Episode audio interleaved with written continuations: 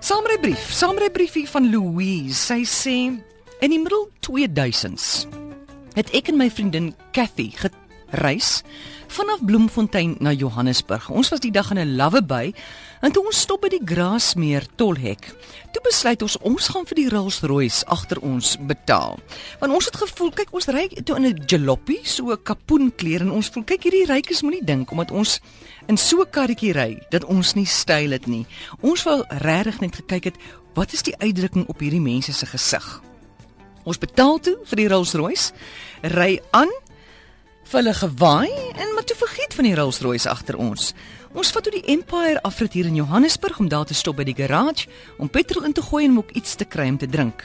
Hier stop die Rolls-Royce by ons. 'n Gawe heer wat ons bedank dat ons aan hom gedink het. Hy koop toe vir ons elkeen 'n koeldrank. Hy was nogal nie wat nie maar 'n lord van Engeland. Hy het ook vir ons gevra wat is ons kontaknommers. Ons het vir hom ons kaartjies gegee en vergeet van hierdie lord van Engeland. Maande daarna hoor ons van hom en hy nooi ons vir 'n vakansie na sy landgoed in Engeland. Ons het daar gekuier vir 2 weke, heerlik gekuier, hy het alles betaal, teruggekom Suid-Afrika toe en sedertdien is ons groot vriende. Wys wat kan gebeur as jy vir 'n vreemdeling iets doen.